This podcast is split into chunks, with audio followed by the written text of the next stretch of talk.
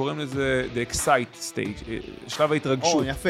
דיברנו על שנחזור זה לזה קצת. באמת, כן. שלב ההתרגשות בעצם אומר מהם האסימונים שצריכים ליפול ללקוח כדי להבין את הערך העיקרי של המוצר או השירות שלך.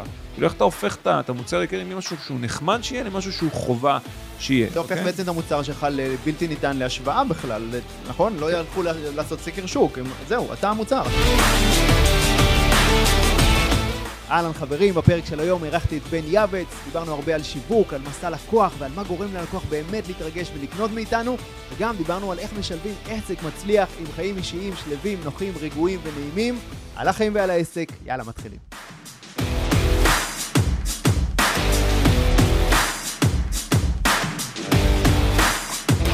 בן יעבץ, מה העניינים?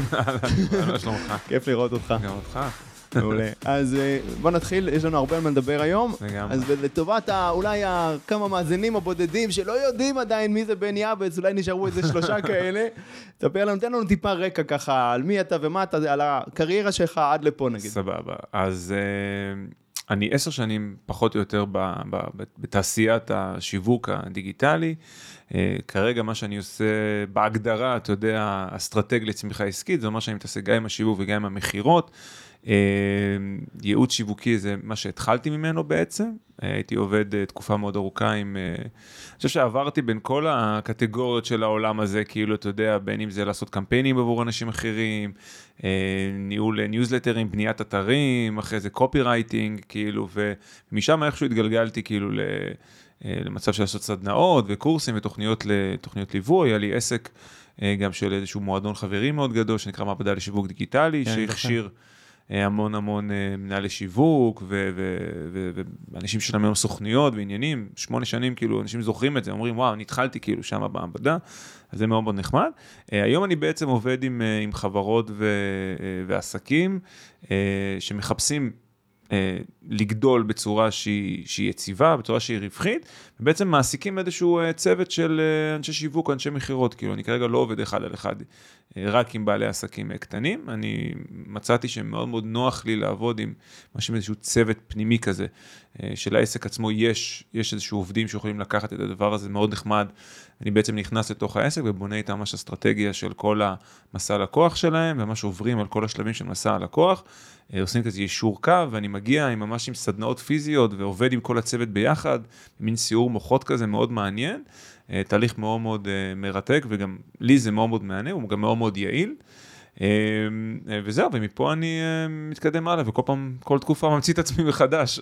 אוקיי. למה, זה איזשהו צורך שלך להשתנות, להתחדש, או... יש, יש איזשהו שיר, אני לא אתה מכיר, היה פעם איזה שיר שהוא כאילו, יש כזה מוזיקה ברקע והוא מדבר, אתה מכיר? אה, הוא זוכר, אה, זה היה הולך כזה, Don't forget to wear sunscreen. אתה זוכר את השיר הזה? נכון. אז אז הוא אמר פעם איזושהי שורה שממש נגעה בי, הוא אמר, הוא אמר, אה, The most interesting 40 year old people I know still doesn't know what they want to do with their life. יפה. כאילו רוב האנשים המעניינים מעל גיל 40 שאני מכיר עדיין לא יודעים מה עושה את החיים שלהם, אז זה- אני, אני מאוד מזדהה עם זה כאילו, כי כאילו אוקיי, אני...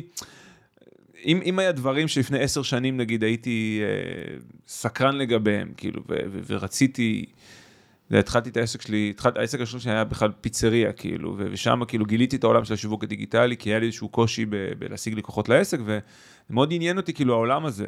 אה, ואני זוכר שישבתי יום אחד עם איזשהו חבר, ואמרתי לו, תקשיב, יש עולם שלם של שיווק באינטרנט, זה רק התחיל, כאילו, זה היה 15 שנה. ואנשים עושים כסף באינטרנט. באיזה שנה אנחנו מדברים? אני לא יודע, קח 15 שנה אחורה, אתה יודע, 2008. 23, משהו כזה, 2007, 2008, רק כן. התחיל כל העולם כן. הזה, כאילו. פייסבוק היה דבר חדש. היה ממש חדש, כאילו, כן. אתה יודע, היה לי חשבון פרסום עם איזה שלוש ספרות, סתם. לא שלוש ספרות, אבל, אתה יודע, היום זה איזה 15 ספרות, אבל, אבל אני חושב שישבתי עם החבר הזה שם, שהוא בדיוק גם חזר מאיזה טיול ארוך, ואמרתי לו, "אחי, תקשיב, אחי, יש פה משהו, אפשר לעשות כסף באינטרנט. הוא אומר לי, די עם השטויות האלה, לך תלמד מקצוע, למדת הנדסי חשמל, כי הייתי הנדסי חשמל באותה תקופה. אוקיי. כאילו זה מה שלמדתי, למדתי י"ג י"ד, אומר לי, עזוב, תתמקד במקצוע, אמרתי לו, לא, וזה, והיה לי פה איזשהו רצון להוכיח את זה. ואז כאילו מפה לשם, כאילו, הצלחתי להשיג את המטרות האלו, כאילו, מכרתי דברים באינטרנט, אפילו עברתי את זה, אתה יודע, פתאום אני עולה על במות, מדבר מול קהל, דברים שכאילו, אתה יודע, לא רק בדמיון שלי, כאילו זה משהו שאפשר לעשות. אוקיי, אז זה קורה מה? כי אתה ממוקד בכל הזמן להתפתח ולצמוח באופן קורה. אישי, ללמוד דברים חדשים, להתנסות? זה קורה כי זה קודם כל מסקרן אותי. כאילו זה מסקרן אותי ברמה של האם אני יכול לעשות את זה? בוא נראה כאילו אם הדבר הזה אפשרי גם עבורי. וברגע שאתה מצליח לעשות את זה, אז אתה אומר, אוקיי, טוב, נחמד לי, מה הדבר הבא? אני, אני תמיד צוחק על עצמי שכאילו יש לי מין גישה כזאת של, אוקיי, זה עבד, בוא נעשה משהו אחר. אוקיי? שזה, אבל זה משהו שאתה ממליץ גם לעסקים שאתה מלווה לעשות? אני מניח לא. שהפוך, אתה ממליץ להם לא, לעשות הפוך. אם מה שעובד אנחנו רוצים לעשות עוד ועוד ועוד, נעשה- נבנה מכונות כסף שעובדות לנו, נכון? אז זה בדיוק הקטע, אתה יודע, לפני כמה זמן עשיתי איזשהו סטורי על, אה, יש מישהי שקוראים לה אה, מארי קונדו, שהיא כאילו, זה גורו של סידור הבית כזה. אוקיי. סידור הבית. כן, היא, כאילו איזו יפנית חמודה כזאת, אוקיי. שהיא ממש סדרת הבית יפה וזה, והיא סיפרה שמה שהכתבה הייתה שכאילו אחרי שהיא אמרה, עכשיו עם שלושה ילדים, אני כבר לא מסדרת כל כך את הבית. וזה כאילו שבר את הלב להרבה נשים שקראו את הספר שלה ולמדו אוקיי. את השיטות שלה, כאילו, הנה, כאילו האמנתי שגם אני יכולה להיות המסודרת הזאת, והנה, היא עצמו, החיים- הגורו, החיים ניצחו אותה. החיים, כן, באיזשהו מקום היא, כן, אתה יודע, שחררה קצת, אפשר להגיד. לא ניצחו אותה, אבל הנה, היא כן. שחררה קצת, כמו כולנו. ואז כן. אמרתי שם בסטורי הזה, שכאילו, הרבה פעמים הדפקה שלנו, זה המתנה הכי גדולה לאחרים. כי כאילו, אם לי יש איזושהי בעיה להיות עקבי ולהיות יציב ולעשות דברים אוקיי. בצורה סיסטמטית, אז, ואני מבין שזה נכון, אז כנראה שאני אבלה את החיים שלי בניסיון לגרום לזה לעבוד בשבילי. ובדרך אני אמצא המון המון אסטרטגיות, שמספיק שמישהו לוקח משהו אחד, זה יעבוד בשבילו. אתה יודע, מסתכלים הרבה פעמים על כל מיני... אה, אה, מומחים לזוגיות שהם גרושים שלוש פעמים. נכון. מומחים לעסקים שפשטו רגל עשר פעמים, ואומרים, איך הוא מלמד מישהו אם הוא נכשל? אבל בגלל שהוא נכשל כל כך הרבה פעמים, כל פעם הוא למד עוד שיטה ועוד שיטה, ומספיק שמישהו יש לו בעיה קטנה, לוקח טריק אחד, שיטה אחת, אז הוא, אתה יודע, יכול להצליח לעשות את זה. אז אני מאוד מאוד נאבק עם היציבות. אני מאוד נאבק עם הדבר הזה של כאילו של לעשות דברים בצורה שחוזרת על עצמה, כי אני, כן. אני בן אדם מאוד יצירתי, יש לי המון המון רעיונות. אה, ואני אני מבין שזה הדבר הנכון, כי זה, מתיש. זו מחלה של. כולנו כיזמים, כן. אתה באמת יצירתי אולי באופן קיצוני, אתה ביחס לבן אדם הממוצע, אבל, אה, אבל כולנו כיזמים מאוד מאוד יצירתיים ומתפזרים לאלף נכון, כיוונים, נכון. ואנחנו צריכים את הבן אדם שימקד אותנו. אז נכון. אתה הפכת בעצם, וזה משהו, נקודה ראשונה מעניינת פה, תובנה למאזינים שלנו, שבעצם אתה הופך את החיסרון שלך לגמרי. ליתרון. כן, כן, אני, אני, כן, למדתי המון המון דרכים ושיטות במהלך החיים ליצור את הסיסטמטיות הזאת ולעשות סדר. שמה שמאוד מעניין שכאילו, זה גם, אה, לא חשבתי שזה כאילו הולך ביחד, אבל אני, אני גם בן אדם מאוד מסודר באיזשהו מקום. דווקא מתוך הסדר הזה, אני מוצא המון יצירתיות. והרבה כן. פעמים העסקים שבאים אליי, הם באים אליי כדי שנעשה להם את הסדר הזה. אוקיי? כי, כי אני כאילו, בגלל שאני כאילו מתפזר וזה, אני לפחות צריך שזה יהיה מסודר. אחר כך. כן. אתה מבין? אני מתפזר, מתפזר, אבל אני בסוף אני אוסף את הדברים. אתה זה כמו איזה מאוד- ילד. כן, אתה מאוד יסודי, כאילו, כן. מה שאני מכיר אותך, אתה עושה משהו, אתה עושה אותו כמו שצריך, אתה עושה תחקירים עמוקים, אתה כאילו מאוד מוכן. אני יכול ללכת לאיבוד איזה שלושה חודשים, לא לעשות כלום, לא לשווק כלום, לא זה, לסגור את עצמי באיזושהי, במאורת השיווק שלי, אני קורא לזה, לצאת עם איזשהו סיסטם מטורף אה, על, בידול, איך עושים בידול, משהו שאף אחד לא עשה, לקרוא איזה עשר ספרים על בידול, אה, שתי קורסים, אתה יודע, לראות, אה, אתה יודע, מיליון סרטונים, כן. ואז פתאום אני, אוקיי, יש לי את זה, ואז אני יוצא מהמאורה, אני חושב שזה גם מה שאוהבים בי, שכאילו, כל תקופה אני בא עם איזשהו... משהו חדש כזה, ואז כזה, או, בוא נראה מה בן עושה עכשיו, כאילו. אוקיי. אז, אז בגלל זה גם מאוד קל לי, נגיד, אם אני עושה סדנה, אז מאוד קל לי, אנשים באים, אוקיי, בוא נראה על מה בן עלה עכשיו. אה, אבל אני מבין, מתוך החיים, אתה יודע, על החיים ועל העסק, מה שנקרא, אוקיי. שאיזושהי תקופה אנחנו נמצאים, יש גם את המשפחה, ומאוד קשה לי היום לעשות מה שעשיתי לפני כמה שנים, שאני יכול להגיד לאשתי, אוקיי, תסתדרי לבד איזה שבוע, אני כאילו הולך לחפש את עצמי. אה, אז איך באמת משלבים את זה עם, עם שלוש בנות ועם בית ומשפחה והכל? כן. איך? אז, אה, אז זה מאתגר. אז כן, קודם כל יש לי שלוש בנות, יש לי אה, בת בת שש, בת שלוש ובת שנה, ואנחנו הכרנו בעצם באיזושהי מסגרת של תוכנית ליווי, נכון? לי איתן נכון. וולר, אתה היית שם מנטור, אני באתי לעשות איזשהו תהליך, באותה תקופה הייתי רק עם שתי בנות, והרגשתי כבר מאוד מוכן לפרוץ כאילו לחו"ל. באותה תקופה. רציתי כן. לספק... בתור קופירייטר, נכון? אמרתי, אוקיי, אולי זווית שאני יכול להיכנס שהיא קלה, זה קופירייטר, כי לבוא ולהגיד, אני מומחה הכי גדול בעולם למכירות ולשיווק, כאילו זה יהיה קצת, יהיה קצת מאתגר. אמרתי, אוקיי, אולי אני אתחיל ברמה של לעשות אה, אה, שירותים. אז אמרתי, אוקיי, אז בואו נקרא איזושהי תוכנית ש, שתחזיק אותי.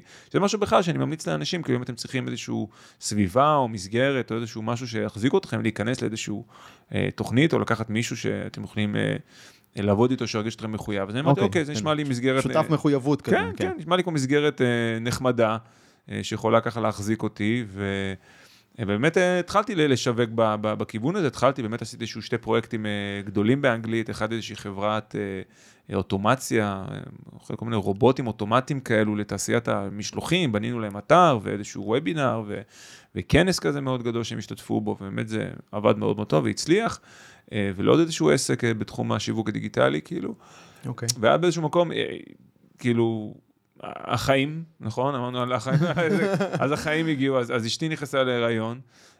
מהילדה השלישית, וקנינו בית, ואני נכנסתי איזשהו ארבעה חודשים של לשפץ את הבית הזה, ופתאום כאילו עצרתי את כל הפעילות הזאת, והייתי צריך לחשוב מחדש עוד פעם לדברים. אז, אז באיזשהו מקום כאילו אמרתי, אוקיי, בוא, בוא נדחה רגע את הדבר הזה, בוא נחזור רגע, נאסוף את עצמי, נבין כאילו מה יש לי, מה, עם מה יש לי לעבוד כבר, אה, כי עכשיו ליצור משהו חדש מאפס יהיה, יהיה קצת מאתגר. אוקיי. אה, רגע, אני רוצה לראות אותך פה שנייה, כן. כי יש פה נקודה משמעותית. יש לך פריבילגיה שאין להרבה אנשים. נכון. אוקיי? של בכלל להיות מסוגל לעצור רגע את החיים, לגמרי. לעצור דברים שאתה עושה, עדיין אה, להמשיך לחיות, זאת אומרת, יש אה, פרנסה והכל בסדר, ארבעה חודשים, כמו שאתה אומר, רק אה, השקעת כן. בלשפץ את הבית ולחשוב איך אתה ממציא את עצמך מחדש, או מה אתה עושה עכשיו בסיטואציה החדשה שנוצרה, mm-hmm. שיש לך בהיריון ובדרך לילדה שלישית והכל.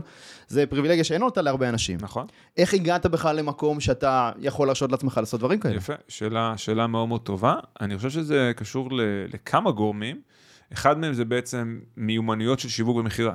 זאת אומרת, אה, במשך הרבה מאוד זמן אה, למדתי עד היום, אתה יודע, אני בלי הפסקה לומד שיווק, לומד מכירות, אה, והרעיון הזה שיש לי את היכולת, אתה יודע, להשיג כסף כביכול, כי הרי מה זה, מה, מה אוקיי. התוצאה okay. של שיווק ומכירות? זה, זה, זה למכור דברים, זה...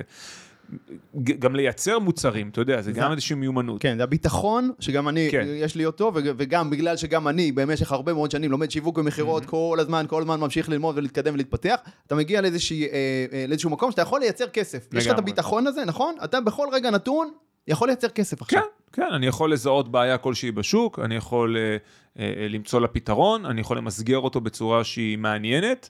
אה, אני יכול לעשות מהלך אה, שיווקי שגורם לאנשים אה, להתעניין בדבר הזה, ואני יכול למכור להם את זה, ולספק להם את זה. זהו, זה כל מה שאתה צריך בגדול. נכון, תכלס. בשביל להתפרנס. בשביל להתפרנס, כאילו. אז את יכול זאת יש לי, אז כן יש לי את האפשרות לעצור לכמה חודשים, ו...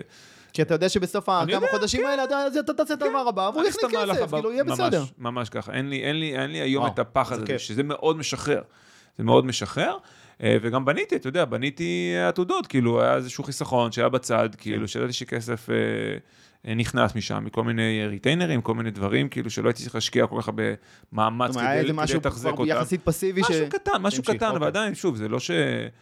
הפסדתי כסף בחודשים האלה, אבל בסדר, הייתי בסדר עם זה, כאילו, כי בסדר, לקחתי פרויקט, אתה יודע, כן. לשפץ את הבית, הייתי כל היום, הייתי חוזר גמור, כאילו. הייתי ממש פועל, אה, פועל שחור כביכול. לא, ב, אתה לא בנית את הקירות. אבל לא, תשמע, אני הנדסאי חשמל, לא בניתי את הקירות, אבל, אבל שיפצתי, התקנתי תאורות, התקנתי דברים, וואלה, שיפצתי דברים, אוקיי. אני מלכלך את הידיים. סבבה. זה צד שלך שפחות הכרתי. כן, לגמרי. אז, אה, אז כן, אז ממש ממש עבדתי, ארבעה חודשים עשיתי את זה. אז, אז זה דבר אחד, המיומנויות האלו. הדבר שני זה באמת העתודות האלו שאתה, שאתה יכול לשמור בצד. אתה יודע, אנשים אומרים ש... כאילו, אתה צריך להיות, אתה יודע, הרבה אנשים כאילו מרוויחים כסף, ואומרים, אוקיי, זה מה שיש לי כרגע, ואז פתאום מגיע מיסים, ומגיע זה, ופתאום כן. זה נגמר לי. אבל לא, אנחנו צריכים תמיד לחשוב שאנחנו צריכים להרוויח פי 150 ממה שאנחנו בכלל מדמיינים שאנחנו צריכים להרוויח. כי יש כסף שהוא צריך אותו ליום, אתה יודע, ל- ל- ל- ליום שחור. איך אמרה לי פעם היועצת אה, כלכלת המשפחה שלי, גרוש לבן ליום שחור. גרוש לבן ליום נכון? שחור. נכון? אז, אז צריך לשמור. אז הנה, זה באמת היה בדיוק הזמן, אה, זמן לעשות את זה. אבל כשחזרתי ונגמר כל הדבר הזה, אמרתי לעצמי כאילו, זה, זה יהיה עוד פעם מאתגר, אה, כי יש משהו ב, ב, ב, ב, בשלושה ילדים שהוא לא כמו שתי ילדים. נכון, הם פתאום יותר מאיתנו. הם יותר מאיתנו. גם אני עם שלושה ילדים, כן. הם יותר מאיתנו, הם הרוב, כן, בבית. כן. אנחנו התחלנו ללכת לאיזשהו אה, אה, טיפול זוגי לאחרונה, דרך אגב, לא אוקיי. בגלל איזשהו משהו שקרה, משהו נורא, גם בתור איזושהי תחזוקה כזאת. לקחתי נהדר. לקחתי טיפ מוולר, דרך אגב, שהוא אמר שהוא נכון, גם פעם אני שמעתי את בחודש... זה ממנו פעם. אמרתי, יאללה, בוא נעשה את זה גם, זה מגניב, למה למה שנצטרך להגיע למצב שאנחנו צריכים את זה? נכון. בוא נראה מה אפשר לעשות כבר... הכי טוב למנוע. בעיות לפני שהן נוצרות. בדיוק. ושם אמרה לנו משהו מעניין, שכאילו ששלושה ילדים זה מצב שמה שהיא קוראת לו הפרד ומשול. כאילו עד עכשיו נגיד אחד יכל ללכת עם שתיים, או אחד על אחד וזה עוד בסדר, כן, פתאום זה שלוש, כאילו, אז אז אחד על שלוש זה כבר מאתגר, וכאילו, אז צריך להפריד את זה, ואני קולט שכאילו, אוקיי, אם אני עכשיו עושה איזשהו מהלך מאוד מאוד גדול, אז אני באיזשהו מקום מוותר קצת, או שם יותר כאילו אחריות אה, אה, על אשתי על הדבר הזה, שגם היא יש לה את העסק שלה, אשתי פיזיותרפיסטית, יש לה קליניקה אה, מצליחה שהיא צריכה, אה, גם אתה צריכה להביא לה לקוחות, עכשיו היא עכשיו בדיוק יוצאת מחופשת לידה של איזושהי שנה שעדיין נשארה בבית. אז, אז כן, אז לא הסכמתי לוותר על החיים. אז אמרתי, אוקיי, בוא נבין מה יש לי, בוא נבין רגע עם מה אני יכול לעבוד. אז יש לי קהל שמכיר אותי, יש לי איזשהו אה, מוניטין בתחום השיווק, בתחום, בתחום המכירות. לגמרי. יש לי כל מיני אה, מוצרים, שיטות, אה, שיטות עבודה. יש לי לקוחות עבר שאני יכול לפנות אליהם, ואתה יודע, אוקיי, לחדש את הקשר. אוקיי, רגע, יש, זה נגיד, אם אנחנו מדברים על הקטע הזה של לבוא ולייצר כסף בכל רגע נתון, הדבר הראשון ש, שהכי קל אולי להתחיל איתו זה לקוחות עבר, לא? זה למכור עוד משהו ללקוחות הקיימים שלך, לאנשים שכבר לגמרי. נתנו בך אמון, כבר חוו איתך איזושהי קל. דרך, נכון? כן, הכי קל, בייחוד אם אתה בא להם איזשהו משהו חדש. בייחוד אם אתה מתפתח ובא ואומר להם, אוקיי, עד עכשיו נגיד, הנה, אחת מהחברות נגיד שאני עובד איתה זה חברת מטרות פיננסיות, שבעצם היא חברת בת של ביג שוט, מי שמכיר, אוקיי. השקעות בשוק ההון, מטרות פיננסיות איזשהו פרויקט אה, שהם עושים עם פרופסור אה, אה, אה, ירון זליכה, כן. מאוד מעניין. שזה הרבה מוד- מודעות עכשיו שרצות. המון, זה רץ, כן, זה מאוד מאוד חזק, עוזרים לאנשים עם כל ההתנהלות הכלכלית שלהם, ובעצם אני הייתי איתם, ליוויתי אותם במשך תקופה, קצת בתור ייעוץ, קצת בתור קופי רייטינג, כל מיני השקות, כל מיני דברים, ובעצם כשאני בניתי מחדש את ה... את מה שאני עושה, את כל הסיפור הזה של לעבוד עם עסקים וללוות אותם בתוך המסע לקוח ולהיות קצת יותר זום אאוט גם על השיווק וגם על המכירות, לא רק ייעוד שיווקי, אלא ממש לקחת אחריות על כל המסע לקוח הזה ולעבוד עם עסקים באמת, עם הצוות שלהם, להכשיר את הצוות, והבנתי שזה החוזקה שלי, אז זה פשוט השתלב כמו, כמו כפפה, אתה מבין? אוקיי. זה בדיוק מה שהם היו, היו צריכים, אז זה היה מאוד מאוד קל אה, להתחיל לעבוד איתם ולתת להם שם ערך. הבנתי, אז אתה בעצם התאמת את עצמך לצרכים של הלקוח. זאת אומרת, התחלת מהלקוח, נכון? כן. שהיה לקוח, לקוח שלך גם בעבר, כן. נכון? ביג שוט, והם עכשיו עושים פרויקט חדש, ועכשיו אתה מתאים את עצמך לצורך של הלקוח. כן, כשהם צמחו, גם אני צמחתי, ובאיזשהו מקום, אה, נפגשנו באיזשהו מדהים. מקום שמאוד מאוד מתאים ל, אה, אה, לשתינו. אז... אז אה, אמרנו, הדבר הכי קל זה למכור עוד משהו ללקוחות הקיימים, אבל נכון. רוב בעלי עסקים שאנחנו נתקלים בהם לא עושים את זה מספיק. כן, לא עושים את זה, הרבה אנשים לא שומרים בכלל את הפרטים של הלקוחות הקיימים, זאת אומרת, כל לקוח הוא לקוח, אה, דפוק לקוח וזרוק, מזדמן. מה שנקרא. כן, לקוח אה, מזדמן, סטוץ, מה שנקרא, כן, אוקיי, סטוץ, אוקיי. סטוץ עסקי, אפשר למתג את זה ככה. אז אני חושב שאחד מהדברים הראשונים בכלל שהבנתי בעולם השיווק, שזה מה שעשה לי סוויץ' מאוד מאוד גדול, התחלנו מזה שבעצם אמרתי לך שהיה לי פיצריה, כן. אה, שהיה, אני מספר על זה כל פעם בפודקאסטים, שזה, היה, שזה לא הצליח, ומפה הכרתי את העולם הזה של השיווק במכירות, אבל אחד מהדברים שבאמת כאילו הדליק אותי על שיווק, היה הרעיון ש... בעצם היה לי רעיון לקחת את כל הפרטים של הלקוחות שנמצאים כאילו במחשב, אוקיי. אוקיי? ופשוט לשלוח להם איזושהי הודעה, איזשהו אס.אם.אס, והשותף שלי באותה תקופה אז התנגד, כי הוא לא אהב שישלחו לו, ממש עשיתי משהו מאחורי הגב שלו. הלכתי והורדתי את זה וקניתי איזושהי תוכנה מצ'וקמקת, אני לא יודע, לא היה אז רב מסר שלה, אולי היה, אבל לא הכרתי. פשוט כאילו טענתי את המספרי טלפון לתוך הדבר הזה, ואמרתי, טוב, נשלח ל-500 מתוך ה-5,000 שיש, לא. נשלח לזה. וכתבתי, אתה יודע, זה שתי פיצות ב-69 שקל, אה, תזמינו עכשיו. אה, זה היום לא נשמע. באהלן אהלן, אבל אז זה כן. היה משהו יוצא דופן. בדיוק, לפני 15 שנה, זה היה, מי שולח אס.אם.אס, כאילו. וזה עבד. כאילו, וזה פשוט התפוצץ, ואז אני הייתי כזה, וואו, אז זה הכוח, כאילו, סוף סוף, כאילו, הבנתי בלי להרגיש את הכוח הזה של לשמור על רשימת לקוחות ולשמור על קשר עם לקוחות, וזה מלווה אותי כאילו עד היום. אז היום זה קצת השתכלל, אה, בין אם זה מיילים או וואטסאפים, או יודע, בנייה של קהילות, או של קבוצות, או של... אוקיי. יש המון המון דרכים היום בעצם לשמור על המאגר אה, לקוחות שלך, אבל הדרך הכי אפקטיבית ביותר זה פשוט, אתה יודע, כאילו להרים טלפון ולשאול, מה נשמע? נכון, אבל כאילו- כשיש לך, אה, נגיד, 8,000 לקוחות כמו שיש לי בעסק של הגיטרה, אתה לא מרים טלפון נכון. אחד-אחד ושואל מה נשמע, אבל יש המון דרכים אחרות להיות בקשר, כן. קבוצות וואטסאפ, אה, אה, mailing, כמובן, כן. כאילו רשימות תפוצה במייל וכולי.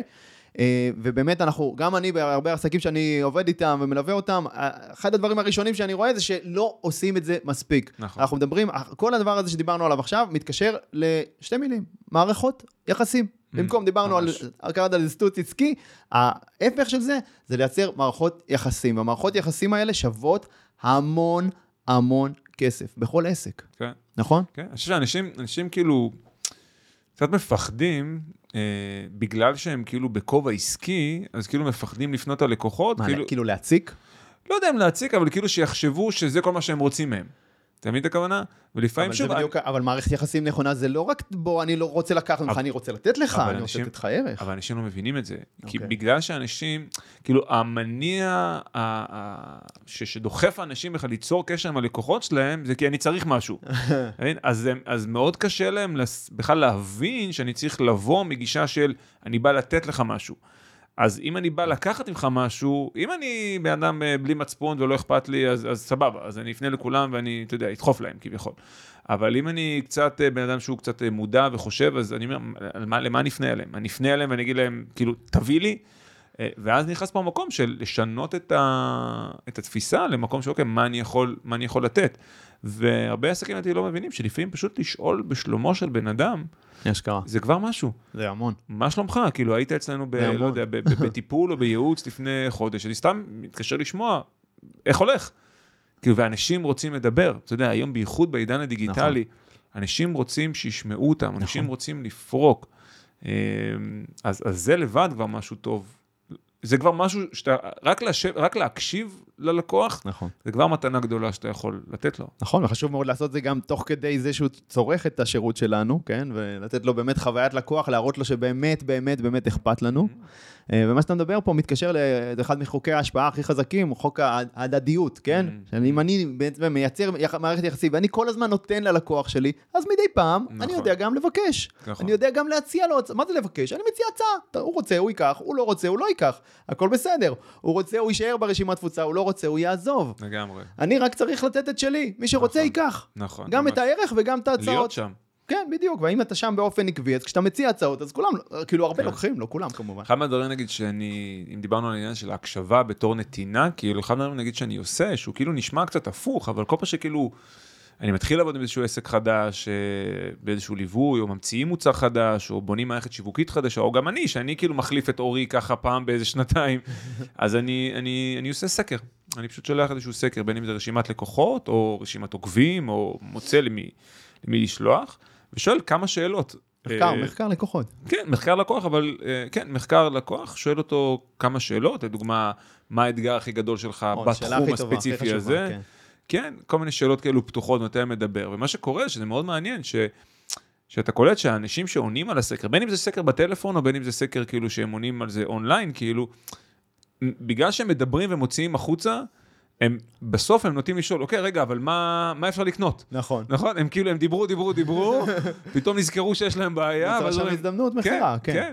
אז, אז הרעיון הזה של לתת ללקוח לדבר, גם אם זה איזשהו סקר, כאילו, הוא, הוא ממש לתת להם משהו. נכון, והתחקירים האלה עובדים יותר טוב בטלפון בגלל הנטייה הזאת גם של באמת, נכון. כאילו, אנשים רוצים שיקשיבו להם, ואתה יכול לשאול שאלות המשך ולדייק עוד את הדברים, נכון? Mhm. בסקר אינטרנטי כזה, אנשים לפעמים עונים. תשובות לקוניות, קצרות, אין לך איך לשאול אותם עוד שאלת המשך, מקום. עוד, כן, כן. ש- אז, אז אחת מהשיטות, שמדייקת את ה... כן, אז אחת מהשיטות נגיד זה למצוא מי ענה בצורה הכי הכי רחבה, נכון. מספר התווים, ואז אתה אומר, וואו, בן אדם ענה. אבל הנה, נגיד גם עכשיו, אני, יש לי משימה חדשה, לעשות עוד איזשהו סקר טלפוני, ואני צריך עכשיו לפנות לאנשים, וזה... כן, להתייחס למי, כאילו, לתת משקל יותר גדול לתשובות הארוכות יותר, נכון? למי שהשקיע בתשובה. נכון? וגם, אומרים, כן, זה נגיד בסקר אינטרנטי, אבל נגיד בסקר טלפוני, הרבה פעמים כאילו, המפתח הוא להקשיב לתשובה הראשונה שיוצאת לבן אדם. מה יוצא לבן אדם ב... אתה יודע, ב- ב- ב- בשיהוק. הזה, באינסטינקט הזה שיוצא לו החוצה, ואחרי זה הוא מתחיל לדבר, אתה יודע, רציונלית. כאילו, אז, אז לרשום את הדבר הראשון, ואז כאילו לתת לו, יפה, זה, כן. יפה. אבל זהו, זה, זה, אם, אם משהו אחד שיקחו מפה, זה, זה נטו, אתה יודע, ליצור קשר עם הלקוח ולתת לו, ולשאול, להתעניין בשלומו ולתת לו לדבר, זה כבר נותן ערך גדול. נכון, נכון. כן, אז תעשו את זה. שיהיה באמת אכפת לך, כאילו, מהלקוח שלך, כן, ולא רק לרצות לקחת ממנו כסף. סבבה, אז הפודקאסט הזה נקרא על החיים ועל העסק, ואנחנו, אה, עם כל האורחים פה, אני מדבר גם על השילוב או היכולת לשלב בין עסק מצליח כן. מצד אחד, לבין חיים אישיים, שלווים, נוחים, רגועים, טובים. כל אחד רואה את זה בדרך שלו.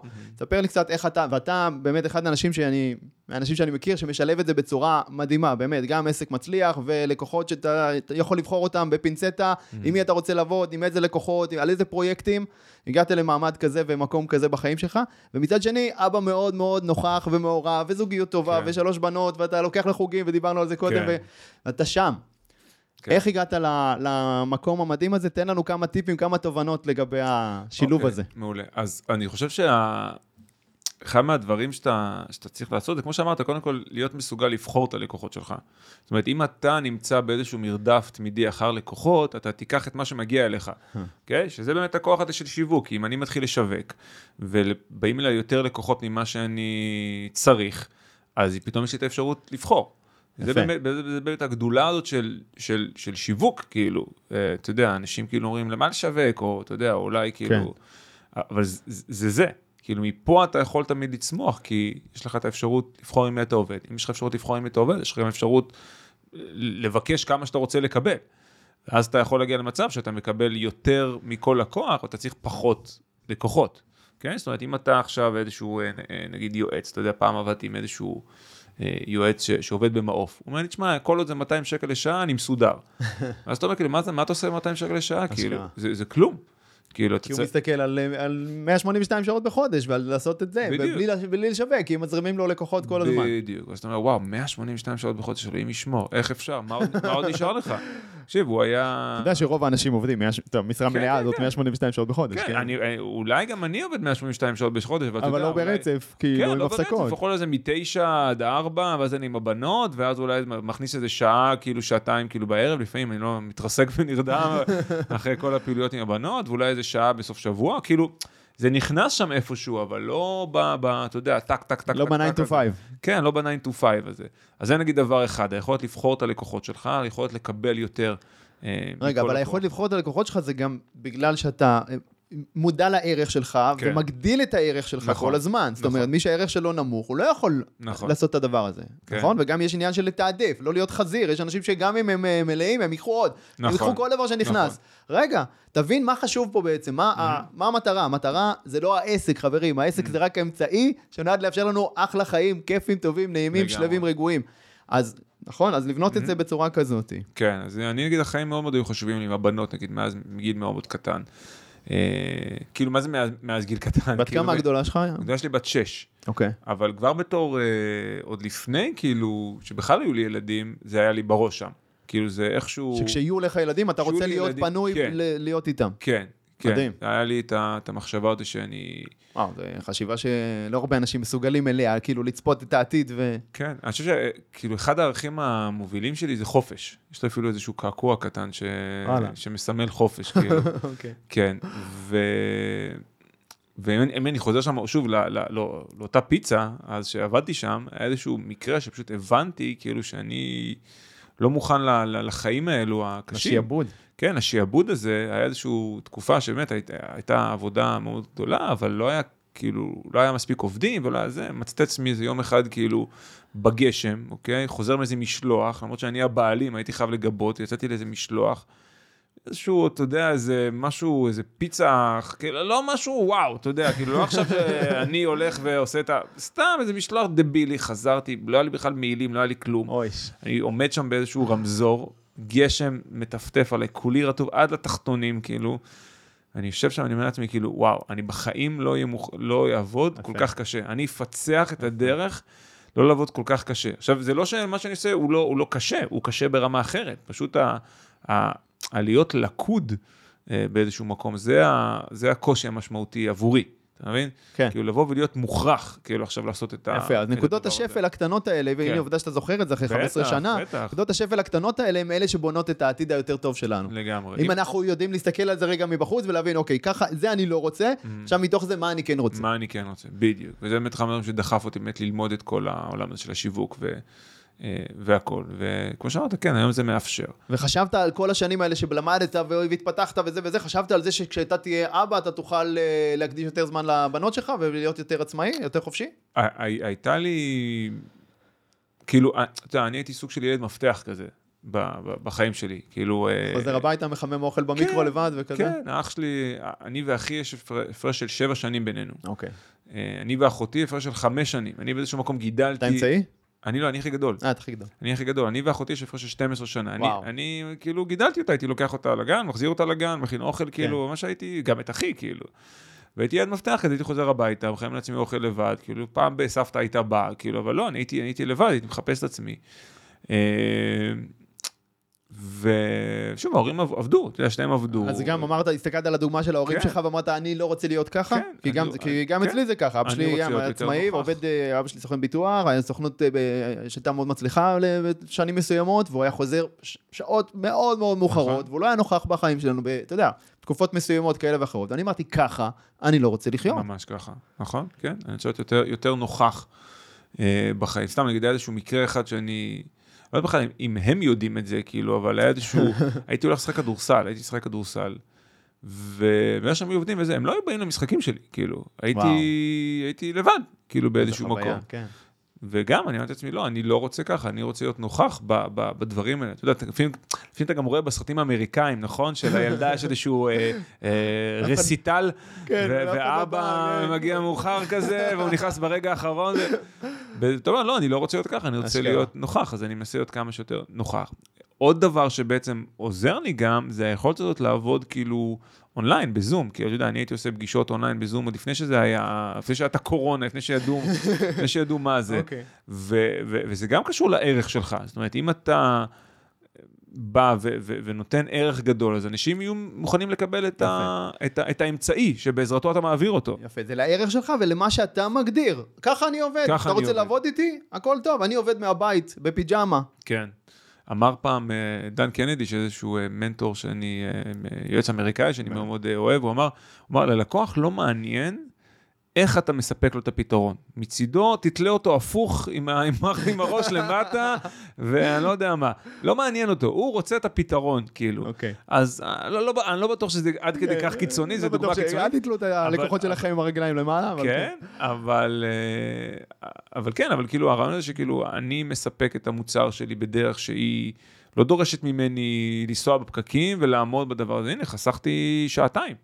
כאילו, זהו, הנסיעות, נכון? הנסיעות. הנסיעות זה משהו שהורג אותנו, את כולנו פה אותך. במציאות הישראלית. היומיומית של 2023. זה פשוט זמן, זה זמן טוב לשמוע פודקאסטים. אני מניח שעכשיו אנשים גם בפקקים עכשיו, אולי נכון. ששומעים אותנו עכשיו, אולי. נמצאים באיזה פקק.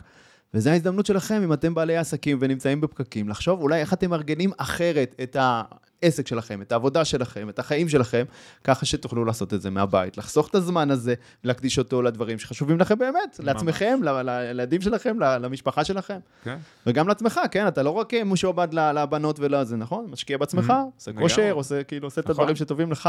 לגמרי, אני יכול לאכול בוקר אה, כל, כל אה, יום עם אשתי, כאילו, אתה יודע, היא עושה כושר שלוש פעמים בשבוע. גם היא עובדת בעצם עושה- מהבית.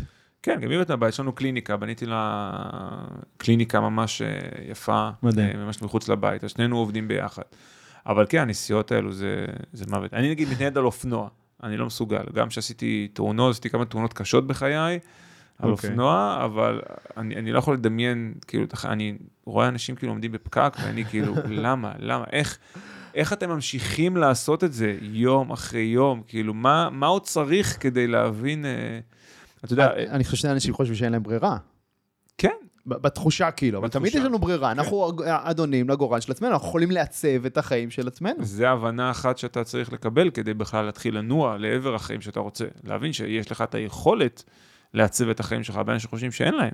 כן. ב-2023, אתה יודע, המציאות היא מאוד מאוד שונה, והנה ראינו, ברגע שסוגרים את כל העולם בגלל הקורונה, פתאום דברים ממשיכים, אנשים ממשיכים לעבוד מהבית, פתאום זה, אז אוקיי, אז אולי המעסיק שלך כרגע לא מאפשר לך, אולי הלקוחות שלך כרגע לא מתאים להם פגישות אונליין, אבל... אבל אם יש לך את היכולת של, של אתה יודע, של, של לשווק ו- ו- ו- וליצור, למשוך את הלקוחות שלך, אז אתה יכול להגיד שככה דברים עובדים, כאילו. נכון? כן, מעולה.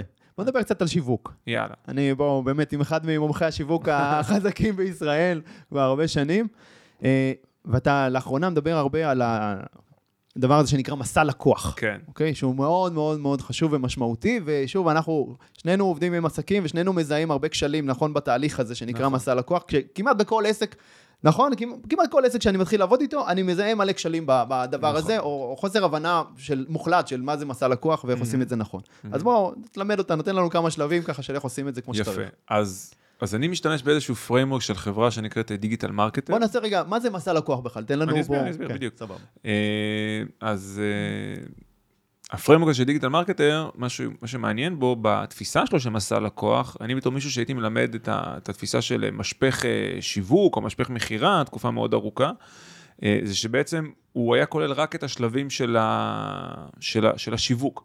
והוא לא היה כולל תמונה יותר רחבה של כל העסק שלי, גם של שלב המכירות וגם של שלב האספקת מוצר. אוקיי. ומה שמעניין ב- ב- בפריימורק הזה של, של המסע לקוח, שהוא נקרא בעצם מסע ערך הלקוח, אוקיי? או באנגלית Customer Value Journey, שבעצם הוא מכיל שמונה שלבים, שכוללים בתוכם אה, גם את השיווק, גם את המכירה, אבל גם מה שקורה אחרי שאתה מוכר ללקוח, אוקיי. אה, ואיך אתה הופך את אותו... השירות עצמו בעצם. לא, לא, לא כל כך את השירות עצמו, אלא יותר איך אתה לוקח בן אדם שקנה ממך, או קנה ממך כמה פעמים, והופך אותו למישהו שממליץ עליך, אוקיי. אה, והופך אותו למישהו שבסופו של דבר גם מביא לך הפניות, הופך להיות שותף שיווקי שלך. יפה, וגם וחוזר וקונה עוד וחוזר מוצרים. וקונה עוד כמובן. זאת אומרת, זה, זה ממש נכנס הכל לאיזושהי מין framework אחד כזה, ואז הוא עושה את זה מאוד מאוד ברור. כי, אתה יודע, אני, היה תקופה שהייתי עובד עם עסקים ועוזר להם לתכנן תוכניות שיווקיות, והיינו כותבים דפים על דפים של תוכניות, וזה לא היה יוצא לפועל. כי זה היה מורכב מדי, זה היה ארוך מדי, זה היה מסובך מדי, זה היה אולי לפעמים כאילו, אולי מפורט מדי, אה, ואז אתה כאילו, אתה, אתה לא יודע מאיפה להתחיל, אבל הרעיון שאתה בא וכאילו, שם את הכל על דף אחד, שאתה רואה בשמונה שלבים מאוד ברורים, איך אני נחשף ללקוחות, איך אני נותן להם ערך, איך אני רושם אותם, איך אני מביא אותם לאיזשהו מעמד מכירה ויוצר איזשהו רגע של התרגשות, שאני גורם להם להבין את הערך אוקיי. של המוצר שלי, מה אני מוכר, מה אני מוכר רגע של אחר כך. התרגשות, זה מה... זה, זה נדבר על זה עוד. רגע.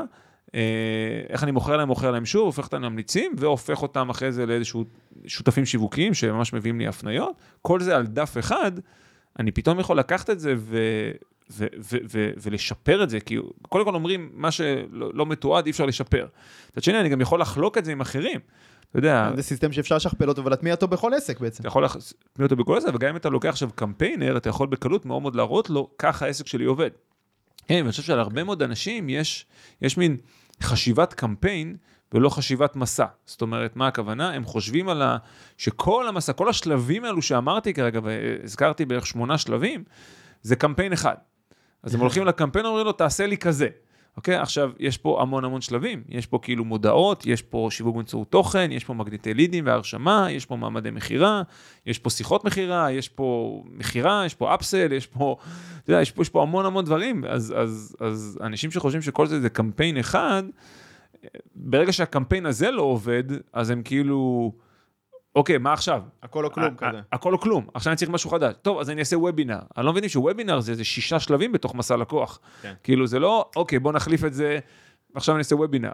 אם זה לא עובד לך, כי יכול להיות שיש משהו אחד בתוך המסע לקוח שלא עובד. או, יפה. הדף נחיתה, המסר, הפולו-אפ שאתה עושה אחרי שמישהו נרשם, ההצעה. ההצעה, אולי בכלל, אתה יודע, אתה, אתה, אתה פונה ללקוחות רק קרים, אתה לא בונה איזושהי היכרות מוקדמת עם הקהל, ואז... נכון, לקראת אתה השידור. לא מחמם אותם, ואז אתה, אתה מתפלא שלרשום אותם למשהו חינמי עולה 30 שקל, כאילו, וזה בכלל לא הגיוני לרשום אותם למשהו חינמי. כאילו, ברגע שכל השלבים האלה במקום, אתה יכול לראות איך, איך, ה, איך האבנים, הפאזל הזה של השיווק אה, מסתדר. סבבה, רגע, יש פה עוד נקודה חשובה שחשוב להסתכל עליה. בעצם להסתכל על כל אה, אה, מנגנון כזה, על כל אה, מערכת אה, שיווק ומכירות כזה, בתור מכונה שיש לה כמה חלקים. זה כמו שאנחנו לגמרי. לא, אה, עכשיו יש, ב, יש בעיה באוטו, אז אנחנו לא זורקים את עצמנו ואומרים, כן. אה, הלך האוטו, קונים אוטו חדש. אבל זה מה שבעלי עסקים עושים הרבה נכון. פעמים. משהו קטן לא עובד, יאללה. זורקים הכל לפח. בוא נשים הכל מחדש. לא, נכנסים למוסך, הוא פותח את המכסה מנוע, והוא מסתכל והוא רואה, ואולי זה צינור קטן ש... שזה הכל, מטאפורה מעולה. 50 שקל להחליף אותו. ממש, זה אז- מטאפורה מעולה. אז יש לנו מודעות, ויש לנו את הדף נחיתה, ויש לנו את החימום לקראת השידור, נכון. ויש לנו את הוובינר עצמו, וגם הוא, יש מורכב מהרבה חלקים שונים של שבירת נכון. אמונות מקבילות, והמכירה וההצעה וכולי וכולי, ויש לנו פולו-אפים אחרי, ויש לנו את ה... לתת את השירות, ומה קורה אחרי שבן אדם צריך את השירות, זה המון המון, Mhm. אז אפשר לראות כל חלק בזכוכית מגדלת, לעשות זום אין, ולפתור רק אותו. כן, ולפעמים צריך ללכת למומחה שבאמת מכיר את כל השלבים האלו ויכול לבוא לתת לך ראייה רחבה יותר ולהסתכל, אתה יודע, ולהבין איזה חלק בדבר הזה אה, אה, לא פועל. יש איזו מטאפורה מאוד מאוד טובה שהשתמשת בה, וזה גם, לדעתי זה גם הסיבה שהרבה מאוד אנשים מתאכזבים מכל מיני תהליכי אה, אה, ליווי וייעוץ. כי הרבה פעמים הם באים, אני תמיד אומר שיש מתח בין החדש לקיים. זאת אומרת, כשאני נגיד עובד עם עסקים, אני קודם כל מתעד את הקיים, אוקיי? אה, אני אומר, אוקיי, מה אתה עושה כרגע שמביא לך לקוחות, אוקיי? איך, איך כרגע לקוחות חדשים מגיעים לעסק? אנחנו מתעדים את זה, ואז עוברים על שלב, שלב בתוך המסע לקוח, ומבינים מה פה אולי לא מממש את הפוטנציאל שלו, ואפשר לשפר. הרצפה? כן, בדיוק. זהו, גם אני עושה את זה, המטרה זה קודם כל בעצם אה, להרים את הכסף, תמיד כשאנחנו באים ומסתכלים על עסק מבחוץ, אתה, אני, אנחנו רואים איפה יש כסף על הרצפה, כן. איפה אפשר למקסם רווח ממה שכבר קיים, במקום עכשיו ללכת ולהוציא עוד כספים ולבנות עוד משהו ולבזבז נכון. המון המון זמן, אפשר לייצר רווח מיידי עכשיו בכיס, והרווח הזה, איתו, אפשר לבנות את הפעילות הבאה. לגמרי, לגמרי, כן. אז אתה, אז, אתה, אז אתה מתחיל מלתעד את זה, אתה מתחיל להבין ממה קורה, וכשאנשים הרבה פעמים הולכים לאיזשהו תהליך של ליווי או תהליך של ייעוץ, הם כאילו באים לעשות חדש. הם כאלה, טוב, אני אקח אותך ואנחנו נעשה משהו חדש לגמרי. אבל, אבל זה כמו, כמו שאמרת, ללכת למוסך ולהגיד לו, אוקיי, קח את האוטו הזה, תן לי משהו חדש. כן. כאילו, לא, אתה, אתה לא יכול לשעות את עצמך לזה. עכשיו, גם אם אתה לא יודע איך...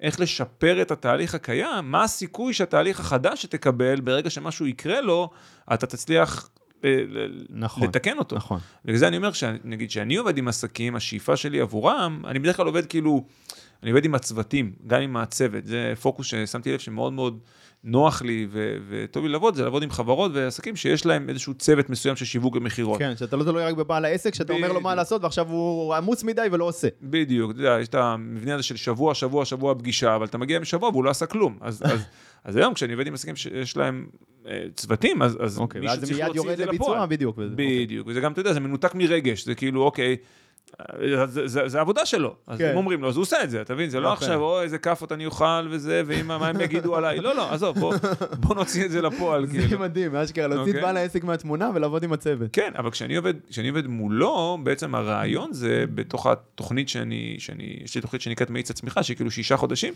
השאיפה שלי עבור בעל עסק שאני עובד מולו, אה, זה שהוא יהיה מנהל הצמיחה של העסק בסופו של דבר. ככה אני מגדיר את זה. אוקיי. שהוא יהפוך להיות מנהל מה הצמיחה של של מנהל העסק. צמיחה? אז, אז מנהל הצמיחה זה לא, הוא לא אחראי רק על השיווק או רק על המכירות, הוא אחראי על כל מסע הלקוח, אוקיי? זאת אומרת שהוא יש לו יכולת אה, אה, ליצור מסעות לקוח חדשים ולשפר את מסע הלקוח אה, הקיים בצורה שתגרום לעסק לצמוח בצורה שהיא יציבה ועקבית. כי הפוקוס שלו הוא על השורה התחתונה, על הרווח בסוף בכיס. כן, בדיוק. אז, אז בשביל זה הוא צריך להסתכל על כל שמונת השלבים של מסע הלקוח, ולא רק על, על השיווק. יש הרבה מאוד אנשים ש, שחוטאים ואומרים, טוב, אה, מישהו אחד שיש לו אוריינטציה שיווקית, אז הוא מתעסק רק עם השיווק, וטוב, אני אביא איזשהו מישהו שיעשה את המכירות, אבל איך אתה יודע שהמכירות עובדות?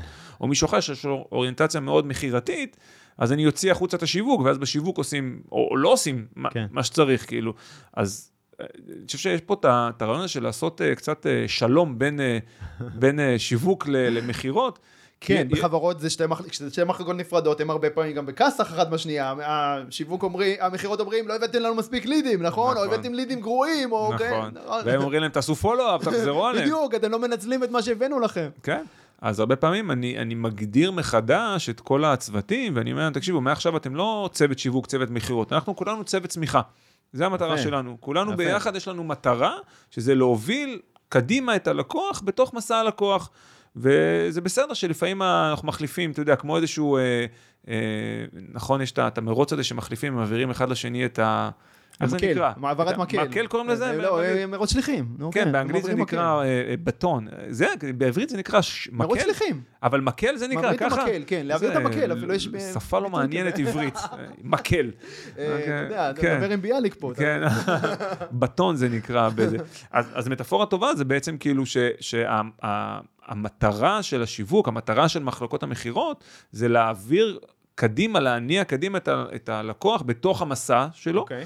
ויש שלבים שכן, המקל צריך לעבור אחד לשני, אבל ברגע שזה תפקיד משותף שלנו ולא אה, אני נגדך, אוקיי? אז, אז הם עושים את זה ביחד, ואז כשאני מכניס לחדר אחד גם את המנהל שיווק וגם את המנהל מכירות וגם את המנכ"ל, הרבה פעמים גם את העובדים, הרבה פעמים אני מכניס את, את אנשי המכירות הכי טובים, או את הקופירייטר, או את הקמפיינר, מקבלים תובנות מאוד מאוד אה, אה, משמעותיות, שאי אפשר לקבל כי כל אחד מביא את בנפרד. הזווית שלו על החלק שהוא אחראי עליו בתוך המכונה, ואז אפשר להסתכל מלמעלה ולראות את כל, איך כל החלקים מת- מתחברים. כן, כן, ואתה יודע, וכשאתה עובר איזושהי חוויה מסוימת בסדנה שאתה עושה, הרבה פעמים גם עושה סדנאות פיזיות, לפחות בתחילת התהליך, אני כן. מקפיד שזה יהיה אה, פיזי, לפעמים זה אפילו יום שלם, שאני לוקחים את כולם לאיזשהו מקום אחר לגמרי, שהוא לא המשרד, ועוברים איזשהו, את התהליך הזה, אז איזושהי חוויה שממש מגבשת מדהים. את, ה- את, ה- את הצוות, שזה... בפוקוס על הלקוח. כן, שבפוקוס על הלקוח. הסשן הראשון זה כאילו. מי הלקוח האידיאלי. מדהים. אתה יודע, תהיו ממוקדים בלקוחות שלכם, זה הדבר. שם קורה משהו מדהים. שם קורה, ברגע שאתה, שאתה עובד עם הצוות ואתה שואל את כולם, אה, נגיד איזשהו, איזשהו טריק שאני עושה, אני, אני לא אומר להם, אוקיי, בוא, אתה יודע, נגיד, מה הבעיות והפחדים של הלקוח. אז אני לא בא ואומר להם, אוקיי, כולם, בואו תזרקו לי. כי אז אם אה, מישהו אחד זורק, אז כולם כאילו מיישרים קו. אני אומר, לא, כל אחד יושב וכותב בשקט, על כמו sticky notes כאלו, כל אחד כותב, אני שם להם רשימה שאלות, תענו על השאלות האלו, אל תדברו אחד עם השני. ואז הם רושמים כל מיני דברים, נגיד מתחילים מהדמוגרפיה, אתה יודע, גיל, מין, אה, נשוי, לא נשוי, כן. הכנסה וזה. ואז הם כותבים כאילו על פתק, ואז אני תולה את זה כזה על הלוח, ואז אנחנו חוזרים ורואים כאילו מה אפשר לשלב, מה לא רלוונטי, מה, מה לא קשור. ופתאום הם קולטים שכאילו, אוקיי, השיווק אומרים שהלקוח, הוא, הגיל שלו זה בין 20 ו-40, המכירות אומרים זה בכלל 60 עד ש- 70. אוקיי, המנכ"ל- המנכ"ל- ההבדל בהתייחסות, אה, מדהים, בנקודת אומרים, השקפה. ואז אומרים, חברים, מי זה הלקוח האידיאלי. כאילו, ואז הם חושבים, אומרים, וואו, זה לא זה, זה לא אף זה. פעם לא דיברנו על זה, אה? כאילו, כן. ככה הם אומרים. ופתאום הם מדברים על זה, ופתאום הם מקבלים הסכמה, ואז יפה. אנחנו יוצרים מין פרסונה אחת של לקוח, ואנחנו הולכים איתה. יפה. אבל זה מאפיין של, אתה באמת היום עובד עם חברות יותר גדולות, שכבר יש להם צוותים והכל, אבל יש לך המון שנים עבדת גם עם אה, עסקים של one man נכון, show כזה, שזה נכון. בעיק- רוב העסקים בישראל בסופו של כן. דבר. אז בוא תזקק לנו איך עושים את התהליך הזה, בסוף שזה בן אדם אחד, שעכשיו אחראי על כל המכונה השיווקית הזאת מההתחלה עד הסוף, אולי יש לו קמפיינר, אולי יש לו איזה מהצוות או זה, כן. אבל, אבל בסוף הוא אחראי על כל המכונה מא' ועד ת', איך אתה ממליץ לו להסתכל על הדבר הזה של מסע לקוח? אז, אז קודם כל אני אגיד, אני אעשה קצת אה, שיווק עצמי, זה בסדר קצת? אה, מי שרוצה את ה... תקנו מבן יהב את כל כן. מה שהוא מוכר, לא משנה מה. מי שרוצה את את המפה הזאת של המסע לקוח, שיבין, שיראה מה אנחנו מדברים, אז שפשוט ישלח לי הודעה לפרופיל שלי בפייסבוק או באינסטגרם, ואני פשוט אשלח לו איזשהו קישור להוריד את הדבר הזה. יאללה, מעולה. אה, אחלה ערך, אפילו אולי נשים פה לינק בתיאור של בכיף. הפרק. הרעיון זה קודם כל לתעד את, ה, את ה, מה קורה לי בכל שלב, וכשאני מתחיל לעשות איזושהי אופטימיזציה, לשפר את התהליך הזה, אני דווקא אתחיל לא מהשלב הראשון. השלב הראשון זה, זה, זה, זה מודעות, זה החשיפה, זה מה שהרבה אנשים עסוקים בו כל הזמן, הפרסום, האורגני, נכון? סרטונים בפייסבוק, אני, אני רוצה להיות בטיק טוק, אני רוצה להיות בכל מקום. אוקיי. הרבה אנשים מתחילים מזה, אבל ברגע שאתה מתחיל מזה ושאר התהליך שלך לא עובד כמו שצריך, אתה פשוט שופך מים לדלים חורים. מעולה. מכיר? זה, אוקיי, הטעות פה היא בעצם שמתחילים בנקודת ההתחלה, כן. רק שבעצם, מה שאנחנו, אתה ואני יודעים, שצריך להתחיל מהסוף. מתחיל מה... לא, לא יודע אם מהסוף, מהסוף, כי... התוצאה, מה- מהמכירה, ב- בסדר? לא מה... בדיוק, בדיוק. לא מהלקוחות החוזרים וההפניות, אלא כן, מנקודת המכירה. נכון מאוד, כי מסע לקוח. נגמר, נכון, במקרה הזה המסע לקוח נגמר בלהפוך אנשים לשותפים שיווקיים, אז אני לא אתמקד בזה, אני אתחיל, כמו שאמרת, מהמוצר. מה המוצר העיקרי שאני רוצה למכור? בוא נשאל. אני מתחיל מהתוצאה של הלקוח, נכון. זה עוד לפני המוצר. נכון. מה התוצאה שאני רוצה להשיג ללקוח? מה הבעיה שאני פותר? מה התוצאה? כן. עכשיו, אם עכשיו השלב האחרון פה הוא המכירה, בסדר, כבר Mm-hmm. יש לי מוצר, כבר הבנתי מה אני נותן, כבר הנקודה האחרונה היא המכירה. אני מתחיל מהמכירה, ואז אני בונה אחורה את כל השלבים כדי נכון. להגיע לשם. אחרת, נכון, אם אני מתחיל נכון. מההתחלה, אני יכול להגיע למיליון כיוונים. לגמרי. אז מה המוצר העיקרי שאני מאמין שייתן ללקוח את הערך המקסימלי שאני יכול לתת לו? יכול להיות שיהיו עוד מוצרים אחרים, אבל מה זה המוצר, מוצר ליבה הזה, כביכול, המוצר העיקרי הזה, שהוא יכול לעלות כמה אלפי שקלים או כמה מאות שקלים, אבל זה, לשם אני רוצה להוביל את כל המסע הזה. אחרי זה אפשר למכור לו עוד דברים, אבל כל המאמצי שיווק אמורים להוביל ואז אני לשם. גוזר אחורה ובעצם מבין מה האמונות המקבילות שמפריעות Mm-hmm. ללקוח שלי בכל רגע נתון מלקנות את המוצר. מלקנות את זה. מלהבין שזה הפתרון בשבילו. כן, נכון? במסע, במסע לקוח של Digital Marketer הם קוראים לזה the excite stage, אה, שלב ההתרגשות. או, יפה. רציתי שנחזור זה לזה קצת. באמת. כן. שלב ההתרגשות בעצם אומר, מהם האסימונים שצריכים ליפול ללקוח כדי להבין את הערך העיקרי של המוצר או השירות שלך. כאילו איך אתה הופך את המוצר העיקרי ממשהו שהוא נחמד שיהיה למשהו שהוא חובה שיהיה. וזה שלב מאוד מאוד מעניין שהרבה מאוד מפספסים. זאת אומרת, גם אם יש להם תסריט מכירה או איזשהו מעמד מכירה, הם לא חושבים על הדבר הזה. ויש רגעים מאוד ספציפיים שכאילו גורמים לבן אדם לקבל מין חוויית הערה כזאתי, ולהגיד, אה, עכשיו אני מבין. אוקיי, וזה הופך אוקיי. בעצם את המוצר שלך לבלתי ניתן להשוואה בכלל, נכון? לא ילכו ל- לעשות סקר שוק, זהו, אתה המוצר, אתה האפשרות ה... כן, עכשיו, הרבה פעמים אתה צריך ליצור מעמד מכירה שמאפשר לך ליצור רגע- רגעי הערה כאלו, אוקיי? כמו וובינר, כמו כנס פיזי, כן, כל- גם שיחת כל- טלפון. כל, כל רגע הערה, יש לו את המעמד מכירה שלו. נגיד לקוחה שאני עובד איתה, גילינו שרגע הערה אה, קורה כשלקוחה שלה, היא נגיד עוזרת לאנשים לחזור לגזרה אה, אה, אחרי לידה, באמצעות אימונים ותזונה וכל מיני דברים כאלו, אבל, אוקיי. אבל רגע הערה מגיע כשמישהי מתאמנת בשיטה שלה חמישה ימים ברצף, אוקיי? מזיעה ונתפס לה איזשהו שריר. אוקיי. ברגע, כי יש לה אימונים קצרים של 20 דקות. אוקיי. אוקיי? ברגע שזה קורה, אוקיי? אז מישהו אומר לעצמו, וואו, כאילו, לא רק שהצלחתי להת- להתמיד חמישה ימים, וזה עבד לי, וזה היה לי כיף, גם זה אשכרה עבד, כי נתפס לי איזשהו שריר, וכל אימון אני מסיימת פה מזיעה, אני רוצה להמשיך עם הדבר זאת הזה. ההוכחה שזה עובד מבחינתה. כאילו, בדיוק, אוקיי. זה מה שיוצר חפשו. חברים, חפשו את ההוכחה שזה עובד, זה מה שאנחנו...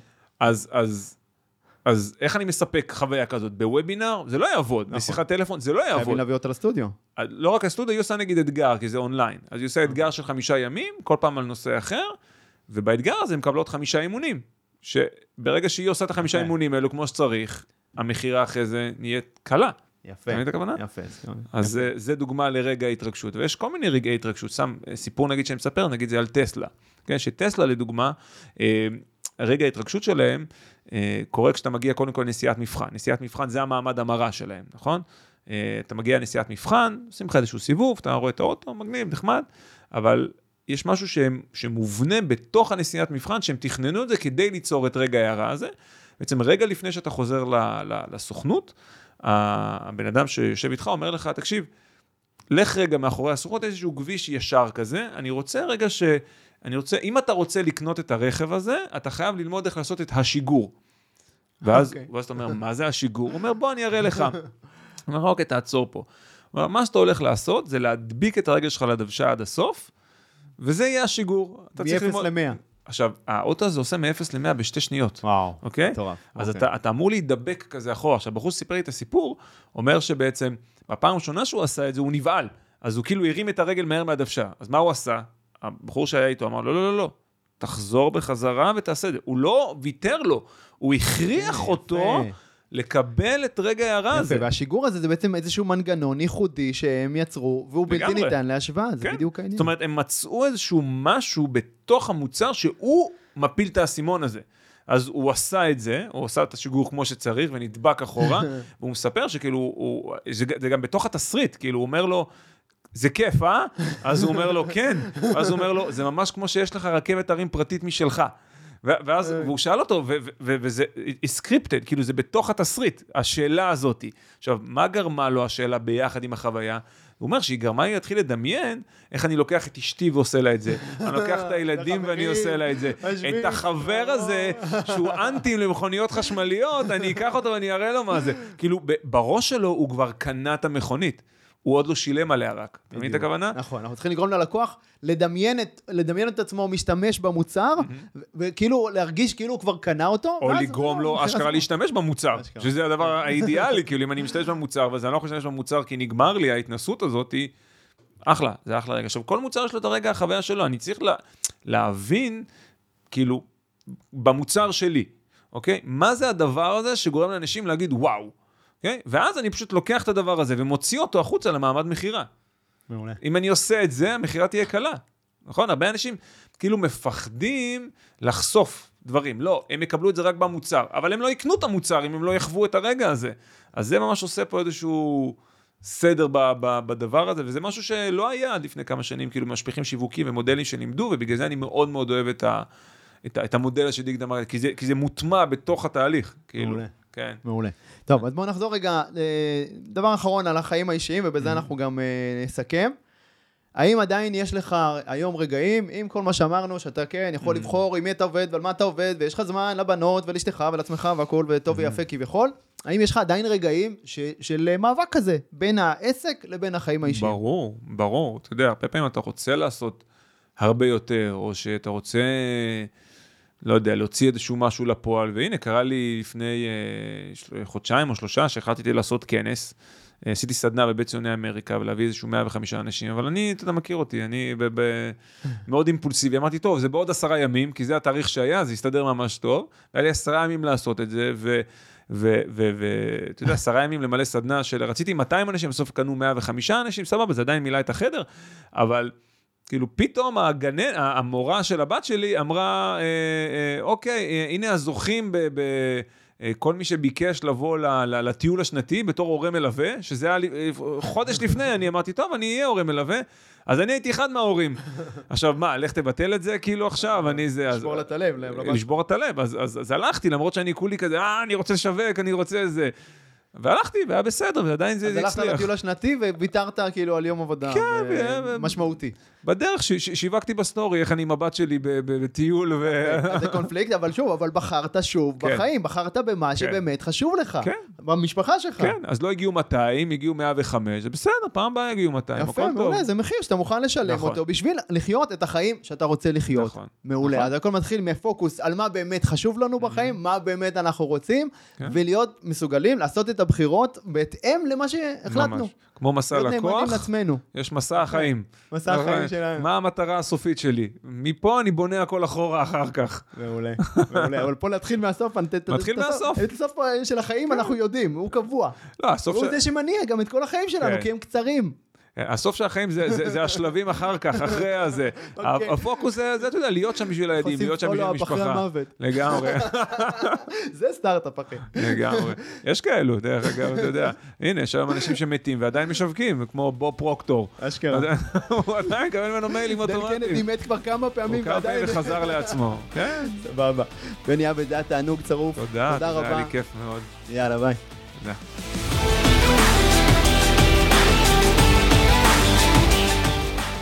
אוקיי חברים, מקווה שנהניתם מהפרק וקיבלתם ערך. אם קיבלתם ערך, לא לשכוח לדרג את הפודקאסט הזה בחמישה כוכבים בפלטפורמה שבה אתם מאזינים כרגע.